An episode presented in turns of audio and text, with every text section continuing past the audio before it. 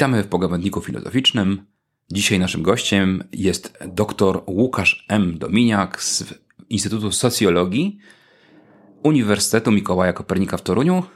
No i nie owijajmy w bawełnę, jesteśmy kolegami z tego samego wydziału. Ale reprezentujemy zupełnie różne dyscypliny. Witam Cię, Łukaszu. Cześć Marcinie, witam. Co prawda, niewiele nas dzieli, bo raptem jedno piętro, ale ty jesteś socjologiem, e, ja udaję filozofa. Spotykamy się po gawędniku filozoficznym, ale już dawno się pewnie zorientowaliście, że lubimy wystawić głowę z naszego małego grajdołka i posłuchać tego, co inni mają do powiedzenia. Tym bardziej, i chyba się zgodzisz na początku, nie? że postać, o której mamy dziś opowiadać, nie daje się tak łatwo zakwalifikować. Oczywiście tak, jest nestorem twojej dyscypliny, ale z pewnością zasługuje także na, na miano filozofa, bo mówimy o o Florianie Zanieckim. Chyba trudno byłoby znaleźć lepszego kandydata do opowieści o, no właśnie, tych nestorskich czasach socjologii, bo to chyba klasyk, nie? Wasz i trochę też nasz. A to prawda.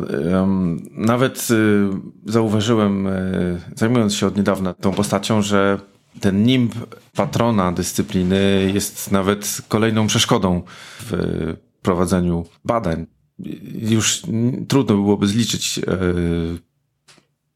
bibliografie obejmujące e, prace egzegetyczne dotyczące Znanieckiego. Chyba były liczone już w setkach pod koniec zeszłego stulecia. Powiem Ci, że jest gorzej. W sprzedaży jest książka profesora Lecha Witkowskiego. I to potężna 750-stronicowa Uroszczenia i transaktualność w humanistyce Florian Znaniecki, dziedzictwo idei i jego pęknięcia.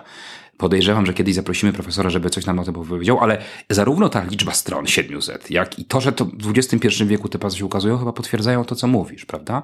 No to jak się zabierać za kogoś takiego, kto jest obrośnięty A literaturą, B no trochę pomnikową pozycją? Znaczy, nie chcę sobie tutaj dodawać, e, ale to jest trudne. To znaczy, trzeba udawać, że pewnych prac nie ma, czy z całym szacunkiem dla no właśnie takich opracowań, właśnie wieloset stronicowych. E, gdyby chcieć tak po prostu scharakteryzować, może prze, przechodząc od razu do rzeczy, tak, Floriana Znajeckiego, no, to był polski intelektualista żyjący w pierwszej połowie XX wieku, e, który, e, który otrzymał doktorat z filozofii na Uniwersytecie Jagiellońskim w 1910 roku i no i później te bardzo burzliwe zdarzenia, które się przytrafiały po kolei i Znanieckiemu i wszystkim jego rodakom są tego pokolenia, czyli pierwsza wojna, tak, okres międzywojenny, później, później druga wojna i tak dalej, no to miał jakby katastrofalny wpływ tak na, na, na, przebieg tych karier i dosyć taki, taki dramatyczny e, zdarzenia były z tym związane. Natomiast e, jeśli chodzi o mm, na ten wymiar taki intelektualny, no to jest, e, to jest filozof, który reprezentuje pewien, pewien styl myślenia i dość nietypowy jak na standardową filozofię, powiedzmy, początku XX wieku w Polsce. Y, można ją tam klasyfikować jako filozofię wartości, czy jakąś tam formę neokantyzmu, czy może nawet jakąś myśl neohumanistyczną, neorenesansową.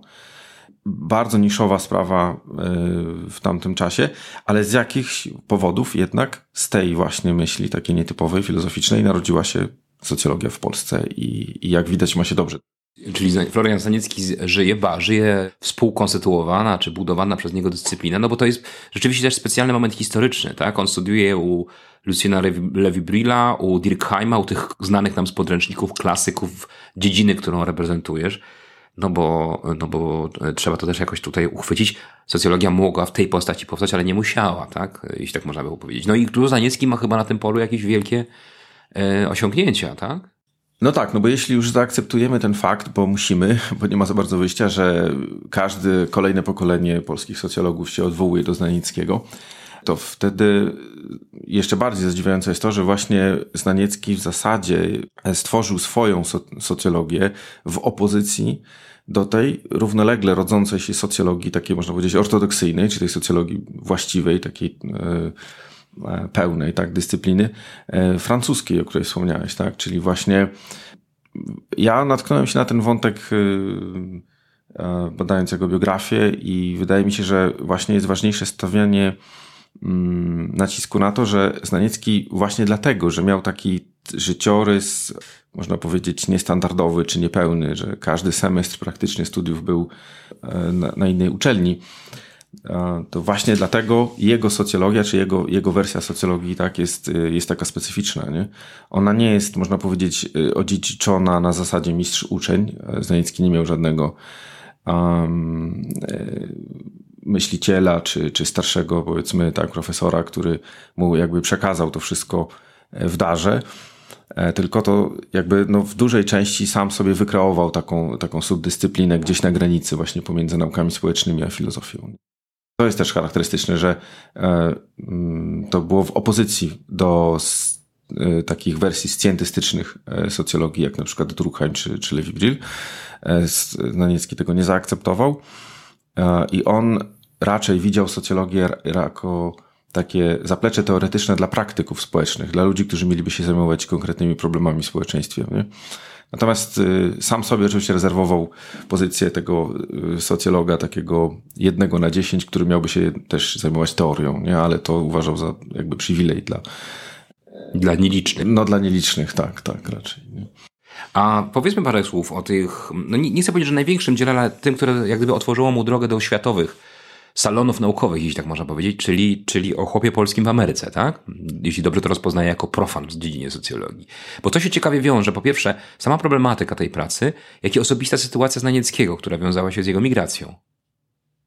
Na czym polega fenomen tego dzieła? No to jest bardzo trudno rozwikłać. To jest kolejna duża zagadka. W, może na, największym pytaniem jest to, w jaki, jak bardzo intencjonalne było pojawienie się Znanieckiego w Ameryce w roku 1914. I są dwie e, wykluczające się interpretację tego zdarzenia, to znaczy z jednej strony uczniowie Znanieckiego wszyscy bronią e, mistrza i mówią, że on tam przyjechał do Ameryki, ponieważ miał zapewnione miejsce, jakby miejsce w grancie, tak, u e, starszego socjologa amerykańskiego, ale e, z kolei źródła amerykańskie niepochlebnie tutaj się wypowiadają o Florianie Zanieckim, który, cy, cytuję, przyjechał do Chicago, zajął się w Chicago w gabinecie to, Williama Isaaca Thomasa bez, e, bez centa w kieszeni, za to z żoną i tam ze własną osobą, tak? Oczekując, że William Isaac Thomas mu E, załatwi tu jakąś pracę przynajmniej, czy tam przy tym grancie badawczym, czy, czy może nawet pracę dydaktyczną na uniwersytecie. E, I to jakby, no nie wiem, to jest nie do rozstrzygnięcia, bo mówię, polscy uczniowie wszyscy od, od, od e, Hałasińskiego, tak, i Dulczewskiego i paru, in, parę innych tam jeszcze postaci. Jerzy Szacki też mówi, że jak najbardziej, że to było, to było planowane, że to było za, E, ja myślę, że jednak mm, no, gdzieś prawda jest może po środku, chociaż biorąc pod uwagę e, taki troszeczkę zawadiacki styl życia, taki, mm, jakby to powiedzieć, taki a Zaniecki był takim troszeczkę bon vivantem, tak? E, który lubił czynnik chaosu w życiu, e, przynajmniej patrząc na jego biografię, szczególnie właśnie przed rokiem 1910, no to nie jest wykluczone, że to mogło się przytrafić, tak? Zupełnie. Generalnie to miało związek z tym, że rok wcześniej w Warszawie e, to Zaniecki spotkał się z Williamem Izakiem Tomasem, który szukał współpracowników w Europie Wschodniej do swojej pracy na temat etnicznych źródeł różnych grup, społecznych, które przybywały jako migranci do Ameryki. To był ogromny wtedy ruch e, e, na początku XX wieku. No i e, Amerykanie, znaczy nie rząd amerykański, tylko Amerykanie filantropijnie nieraz poszukiwali właśnie odpowiedzi, skąd ci migranci pochodzą, jak, a, jakie mają zapatrywania społeczne, jaki to jest materiał ludzki, tak mówiąc wprost. I William Isaac Thomas był takim psychologiem społecznym, który, który właśnie dysponował dość sporym budżetem na, na badanie tego tematu. A ponieważ Znaniecki pracował wtedy w redakcji e, w Warszawie czasopisma Wychodźca Polski, no to został jakby ktoś go z nim skontaktował, nie? że to jest właściwy człowiek w Warszawie do, do tych zagadnień. I teraz mówię, no jest tylko ten, ta jedna niewiadoma zostaje, tak? Z, czy rzeczywiście padła jakaś konkretna propozycja w 1913 z, ze strony Tomasa, e, żeby tam przyjeżdżać do Chicago, będziesz miał tam stanowisko, w, jakby to ci dzisiaj się mówi w grancie, czy, to, czy jest tu jakiś czynnik, no nie wiem, losowy, tak, że po prostu Znaniecki wziął ten. To jest ważny szczegół, bo, bo to by dość sporo mówiło o, o jakby zakorzenieniu polskiej socjologii wobec y, socjologii światowej, tak, no bo ten mityczny pierwszy wyjazd do Ameryki, no mówię, byłby, jest, byłby tutaj trochę bardziej problematyczny niż się wydaje, nie? Jeśli, jeśli był rzeczywiście przypadkowy raczej. Nie? No tak, ale to potem przełożyło się, ten pierwszy kilo wbity tam w nowy świat, może raczej czekan należało powiedzieć, bo to chyba jakaś wspinaczka była, zaowocował tym, no, że on z tą Ameryką się wiąże i że tam ostatecznie osiądzie i tam będzie pracował, ba, zbuduje też y, amerykańską, a więc i światową swoją, swoją pozycję w socjologii, tak? No, tak można tak powiedzieć? Czy, czy, czy, I tak czy... i nie, też można się nie zgadzać z tym. To znaczy jest w, w latach 70. właśnie jeden z ostatnich uczniów Znanieckiego, Dulczewski, znalazł takie źródło autobiograficzne e, opublikowane w bostońskiej gazecie tygodniowej, nieznane przez wiele lat i tam jakby Znaniecki się rozprawia troszeczkę z tym swoim pobytem w Ameryce, że jest rozczarowany generalnie. Rozczarowany jest y, takim materialistycznym podejściem Amerykanów do, e, do życia generalnie. To znaczy, to już wiedział przed wyjazdem. To też przyznaję, że jakby się, te jego przypuszczenia dotyczące Amerykanów w tym względzie się potwierdziły. I mimo, że z jednej strony chwali sobie na przykład środowisko intelektualne, które jest bardzo takie żywiołowe i tak nastawione, e, nie tak jak w Europie, y, niekonserwatywnie tak do, do problemów społecznych, filozoficznych, to bardzo mu się też nie, nie spodobało to, że, że pomimo był tam przez całą pierwszy, okres I wojny światowej, czyli prawie 5 lat, 914, tak 919, ale nie dostąpił zaszczytu prowadzenia zajęć dydaktycznych. Nie, nie, nie, nie pozwolono mu um, brać udziału takiego, można powiedzieć, pełnego tak, w życiu wydziału e, na Uniwersytecie w Chicago. Natomiast y, na plus można zaliczyć tą współpracę, bo rzeczywiście jakby ten okres nie był zmarnowany, jeśli chodzi o, o pracę y, naukową i efektem tego jest to wielotomowe dzieło właśnie e, ukończone w 1920 bodajże ostatecznie w pięć, pięć tomów wielkich, tak, kilkaset stron, chłop polski w Europie i w Ameryce i to jest to, jest to słynne współautorstwo, tak jakby pierwszy polski socjolog, który zaistniał w języku angielskim, jest współautorem z innym socjologiem e, znanym, tak, amerykańskim. Także taki ten pobyt był pół na pół. On tam y, oś, ja bym też nie powiedział, że osiadł, to znaczy Znaniecki bardzo chciał wrócić. Ale zmarł w Stanach Zjednoczonych. Gracja to po, po II wojnie światowej, nie? Natomiast po pierwszej, po pierwszej wojnie bardzo chciał wrócić, nie? Bardzo chciał wrócić do kraju i, yy, i wyrażał to bardzo tak dość, dość dobitnie, tak, że yy, jest, jest bardzo znany, tam zachowany gdzieś tam w archiwach list do prezydenta Wojciechowskiego z 1919 roku, że Florence Zaniecki pisze o to, że jest gotów poświęcić absolutnie wszystko, wrócić do kraju, założyć e, katedrę, założyć instytut e, socjologiczny e, i prosi właśnie wprost prezydenta o wsparcie, tak? Czy tutaj by się udało gdzieś socjologię od zera zbudować? No właśnie, bo mm, to też nie jest tak, że mm, jak w przypadku na przykład emigrujących do różnych zachodnich krajów filozofów, z tych czy innych powodów, tak? Alfred Tarski na przykład, tak? Czy Jan Łukasiewicz, mm, że oni tam osiadali, zapuszczali korzenie, czy może chyba nawet lepszym przykładem byłby tutaj Józef Konrad Korzeniowski, prawda? Którzy dokonują pewnego takiego e, przekształcenia, przepoczwarzenia się w autora, który jakkolwiek mający korzenie polskie pisze jednak, czy stara się pisać w języku angielskim. E, tak chyba ze Znanieckim rzeczywiście nie było, bo przecież ma bardzo poważne zasługi też dla rodzimej tu, tu socjologii. Jest założycielem, jeśli dobrze pamiętam, studiów socjologicznych, tak? Ważnego pisma. Przeglądu, przeglądu. Przepraszam, przeglądu. Tak, oczywiście przeglądu socjologicznego. E, a działalność tego typu, organizacyjna, czy taka właśnie fundacyjna, przypomina mi trochę działalność Kazimierza Twardowskiego w łonie filozofii nie chcę tutaj porównać takich prostych stawiać, ale chodzi mi o to, że no zwłaszcza kiedy dyscypliny jeszcze nie ma, albo musi się odrodzić jak filozofia polska, to taka robota organizacyjno-koncepcyjna jest też bardzo istotna. E, tak więc o tym też należy pamiętać, że jest to też w takim znaczeniu socjolog polski, który ma, ma także i tego typu osiągnięcia. Tak? Jak najbardziej. To znaczy, to była taka może trochę... Yy nie wiem, z perspektywy naszych tutaj spokojniejszych czasów jednak e, taka smutna konieczność, tak? To znaczy tak naprawdę nauki społeczne, czy filozofię, czy socjologię, czy, czy w ogóle naukę w Polsce w tamtych czasach trzeba było budować od zera. To znaczy i Znaniecki doświadczył tego przynajmniej, no nie wiem, trzykrotnie, tak? Możemy powiedzieć, że w czasach zaborów e, jeszcze, tak? Czy w pierwszej dekadzie XX wieku zetknął się z um, z ograniczeniami powiedzmy życia intelektualnego, tak, na, na przykład na Uniwersytecie Warszawskim, z próbami rusyfikacji, tak, e, życia intelektualnego w Polsce, to na pewno tego doświadczył. I to było motywem jego wyjazdów za granicę i, i, i to zawsze powtarzał. Jak wrócił z tej pierwszej emigracji do Ameryki, no to wtedy Polska, tak, odrodzona po raz pierwszy po, po, po 120 paru latach, tak, niewoli, e, to wtedy wszyscy, jak gdyby, no, wszystkie towarzystwa, czy to były naukowe, tak, czy socjologiczne, to jakby od zera, tak, zaczynały, więc trzeba było te uniwersytety, te uczelnie, nawet jeśli one były w spadku, powiedzmy, po Austro-Węgrzech, tak, czy, czy po poprzednich cesarstwach, to trzeba było je przekształcić w uczelnie polskie, albo tak jak na przykład właśnie Znaniecki w Poznaniu, zrobić je od zera, bo to był y, wtedy uniwersytet ten w poznański był dość nieoczekiwanie, można powiedzieć, tak jak Wileński przejęty w toku walk na niepodległość i, y, i, i czyli ten, ten wysiłek y, instytucjonalny no, był taką koniecznością. Nie? Ta trzecia próba to jest taka niezrealizowana, no bo Znaniecki nie wrócił po II wojnie światowej do, do Polski. Nie zdecydował się na powrót. Tam te lata 40. i 50. spędził już w Ameryce i tam, tam też zmarł.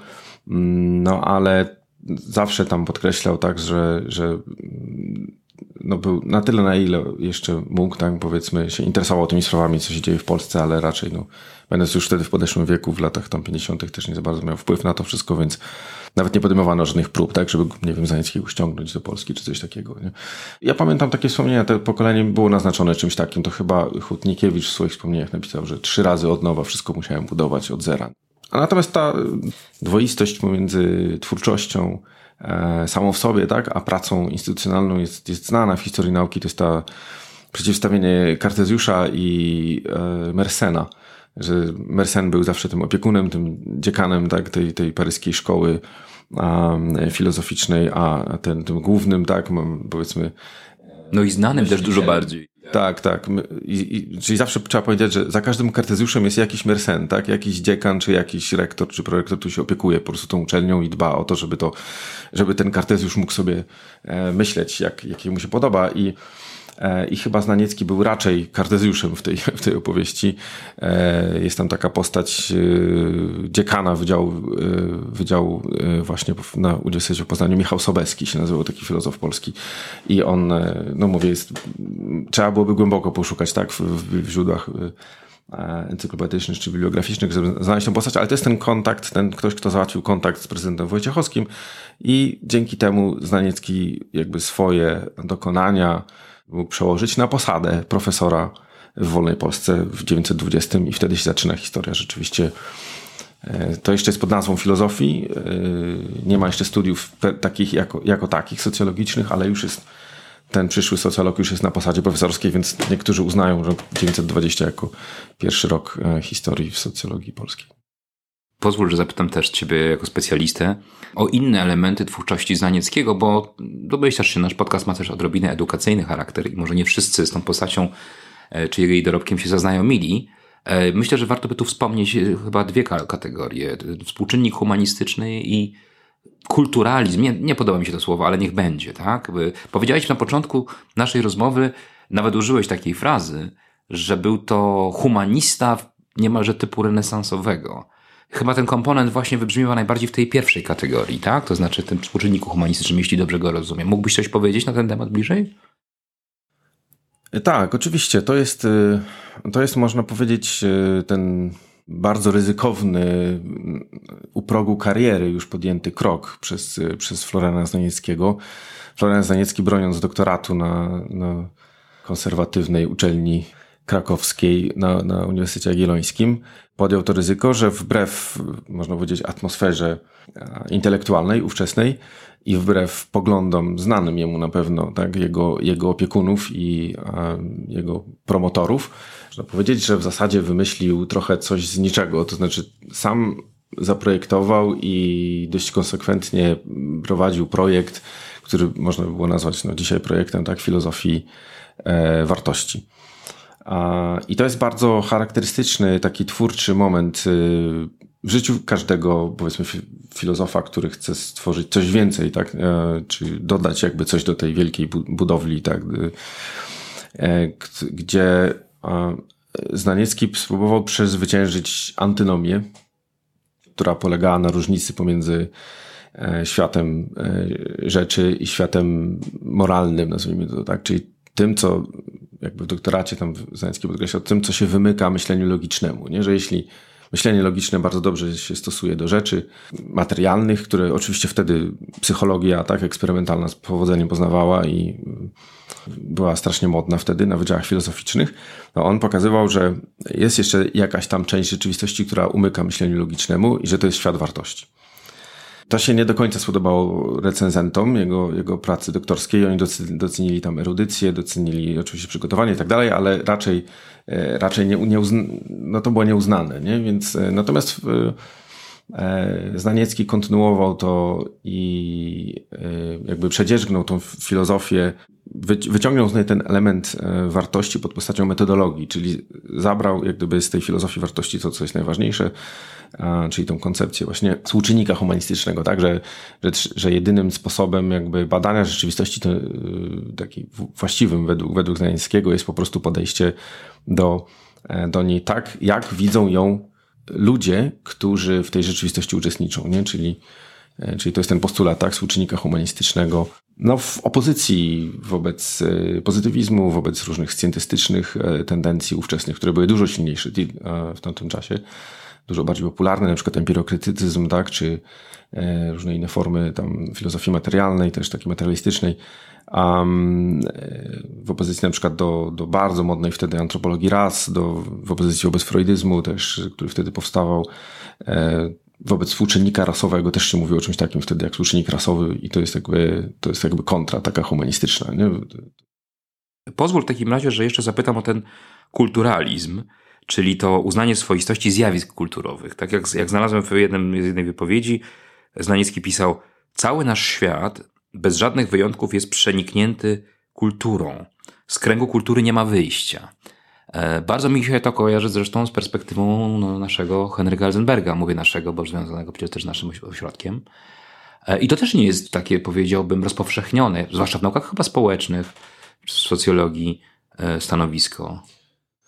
No tak, masz rację. To jest, ja bym to uznał za akurat część problematyczną tego dziedzictwa znanieckiego i ja akurat jakby badając to i no, widząc to w całej rozciągłości, tę kwestię, uważam, że nie da się tego obronić. To znaczy, y, wartości są istotne, są ważne, tak, czy one skutkują e, respektowaniem pewnych norm e, w społeczeństwie, ale, ale to nie jest wszystko. Nie? To, to też nie należy.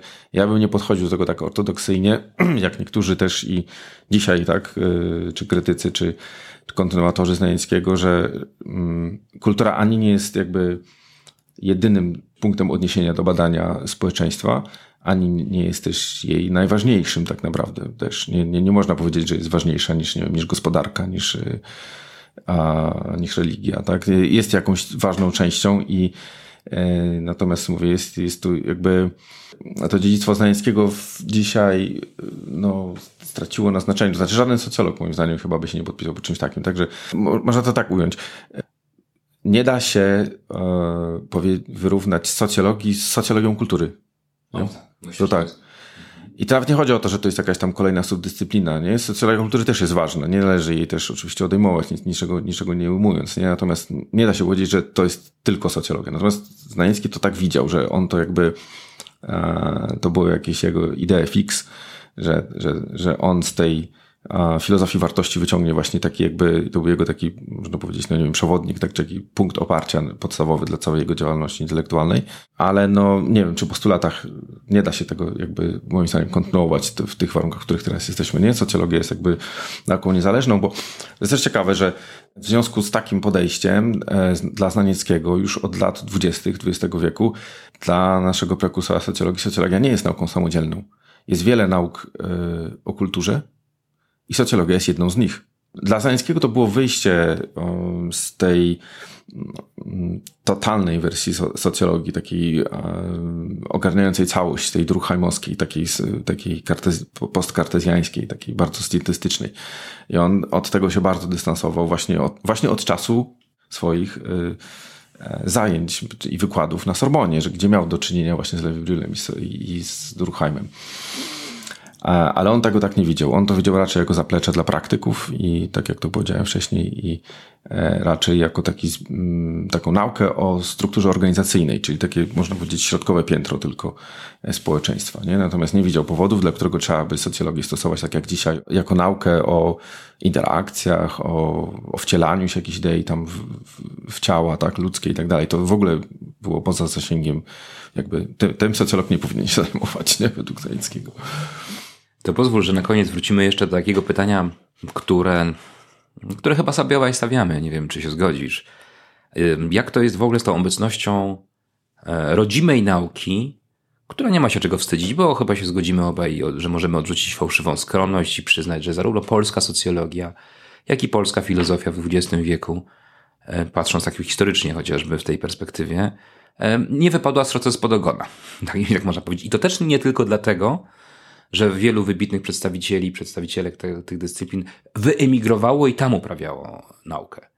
Tylko, że po prostu pozostawaliśmy w takim szerokim nurcie nauki światowej, no, oczywiście z bardzo poważnymi ograniczeniami, tak? Dostępem do książek, e, do literatury, wymianą myśli, swobodą podróżowania. To jest oczywiste. Natomiast prowokuje to pytania ważne dla nas dzisiaj. Jak ty się z tym osobiście czujesz, powiedz? Bo ty nie piszesz e, o Florianie Zańskim tekstów tylko po angielsku. To znaczy, nie wozisz drewna do lasu anglosasom, tak jak nas, od się często wymaga, byśmy w tym obiegu myśli światowej tak naprawdę mm, na tym poziomie tylko tę refleksję uprawiali. Jak to jest w Twojej dyscyplinie? Z tym z jednej strony umiędzynarodowieniem, które stało się obsesją też i naszych włodarzy, a z drugiej strony swoistością myśli rodzimej. Nie chcę powiedzieć lokalnej, bo to byłoby zubożające. Jak to widzisz, powiedz? Gdzie ty się sytuujesz? Jesteś socjologiem światowym, polskim, wschodnioeuropejskim? Czy może myślisz o emigracji? Ale to mówisz o mnie osobiście. Tak, o tobie osobiście, tak, jako, jako osobie, no, mamy ścieżkę wytyczoną przez Nanieckiego, wydawałoby się. Pytanie, jaką ona ma wagę dziś, w XXI wieku? Warunki się bardzo zmieniły, rzecz jasna, tak? E, mamy narzędzia komunikacji tak sprawne, że nie musimy nawet jechać na, wysłuchiwać wykładów na drugi koniec świata, tylko możemy wysłać ich zdalnie, prawda? Nie no, to, znaczy porównując to tam do, do, do tych czasów historycznych, którymi ja się zajmuję, do, tak, do historii, ja się zajmuję historią i teorią, tak, e, socjologii, no to my już jakby, my musimy się umiędzynarodawiać wtórnie, bo pokolenie Znańskiego, może ewentualnie jeszcze pokolenie jego pierwszych uczniów, oni byli na tyle nastawieni, można powiedzieć, kosmopolitycznie, że jakby bycie uczonym oznaczało bycie człowiekiem światowym, tak? Zazwyczaj mężczyzną też do tego dodać. No tak, to też jest. E, to byłby zupełnie osobny podcast, można by było poświęcić o roli kobiet tak, w życiu. Trochę było. Gdybyś wysłuchał naszego odcinka o relacji osowskich między sobą, a to cieszę się, że mogę coś podsunąć socjologowi. Rozmawialiśmy już o tych kwestiach, między innymi o tych dziwnych relacjach e, w ramach par naukowych, no bo to sytuacja Osowskiego i Osowskiej jest też specyficzna i ich dzisiejszego postrzegania obu tych postaci. Myśmy się chyba oboje z moją rozmówczynią zgodzili, że Osowska chyba przewyższała nieco Stanisława, że Maria, że Maria chyba trochę przewyższała Stanisława, ale encyklopedię sytuacji. No, Znaniecki był bardziej konserwatywny i jego, jego, szczególnie jego druga żona spełniała taką rolę, powiedzmy, stenotypistki po prostu jego myśli, nie? I to też, a więc y, to też mało jest, y, się o tym mówi, ale większość tych wielu, wielu prac Znanieckiego z okresu międzywojennego to są po prostu a to są książki, które Znaniecki, jak wracał z wykładu, wkładł się na Sofię, dyktował swojej żonie e, i ona to pracowicie natychmiast pisała na, na, na, na maszynie, nie? Więc to jest też tak trochę, yy, takie trochę patriarchalne podejście troszeczkę, nie? Ale to mówię, zostawmy to na boku. wracając do twojego pytania o to, o to międzynarodowienie. Tutaj ciężko jest mi nawet tą kategorię, ciężko jest to przenieść 100 lat, 100 lat temu, bo no nie, nie ma takiej opcji, tak? Nie ma takiej opcji, żeby uczony przed rokiem, powiedzmy 918, był kimś innym niż, niż światowym uczonym, bo po prostu albo się było światowym uczonym, albo się nie było uczonym w ogóle. Nie? E, to przezwyciężanie, przezwyciężanie tych, tych barier e, narodowych jest, e, jest w nauce tak naprawdę zajęciem, no, jest, które jest z kolei przykrą koniecznością dzisiaj, tak? no bo my jesteśmy już tym pokoleniem, które tę narodowość czy tę państwowość tak odczuwa dużo silniej e, niż ludzie żyjący powiedzmy tak 5-6 pokoleń wstecz, tak Polacy.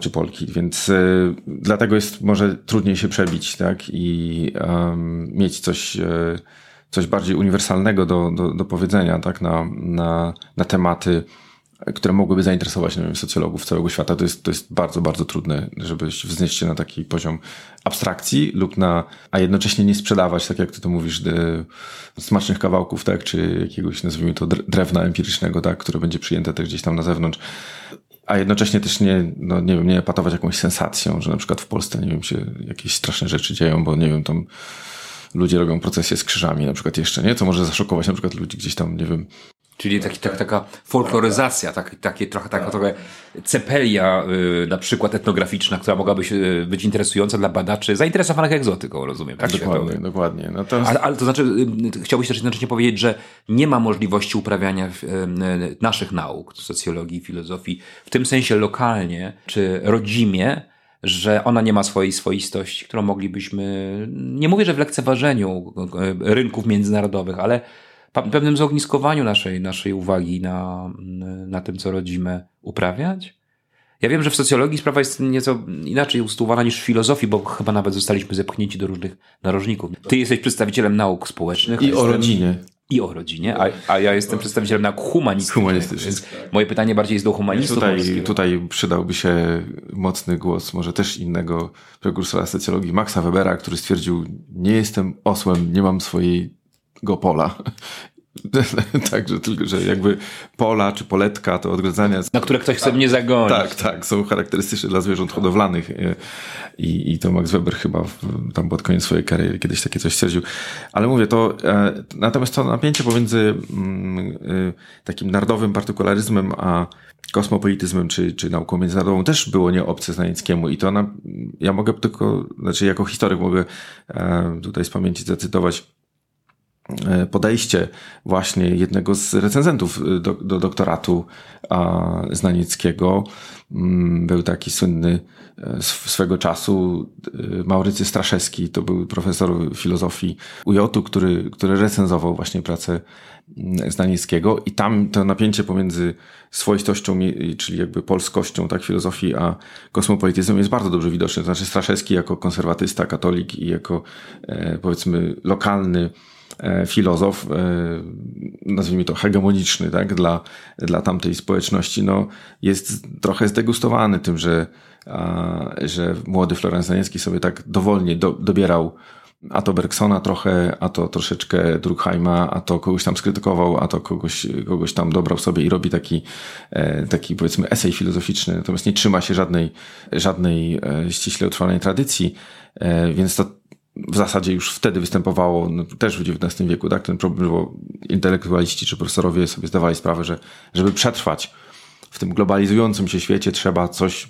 narodowego, tak, coś polskiego e, stworzyć i, i Znaniecki był całkowicie w kontrze. On uważał, e, e, znaczy może nie tyle uważał, tylko jak się patrzy na jego filozofię e, wartości, tą bardzo, ten bardzo specyficzny, można powiedzieć, produkt e, intelektualny, a, czy odnogę, E, i jego socjologię, no to to jest eklektyczna bardzo mieszanka różnych poglądów, niektórych odwróconych na odwrót, nie, niektórych za, za, zasymilowanych, trochę własnej tam te, działalności. Także to jest, to jest cały czas mieszanka, tak? To jest, to jest bardzo, bardzo specyficzna idea, e, też pomysł, trochę taka e, przeszczepiona z Ameryki, ale też nie, też z wątkami, można powiedzieć, europejskimi, nie? Taka mieszanka, powiedzmy, europejskości i, ameryka, i amerykańskich nauk, takich filantropijnych bardziej, Mm, e, i, i, i, tych bardziej europejskich, na przykład takich jak właśnie ta istniejąca wcześniej psychologia e, ludów, czy, czy psychologia e, nawet psychologia eksperymentalna, chociaż tu Arebur, bo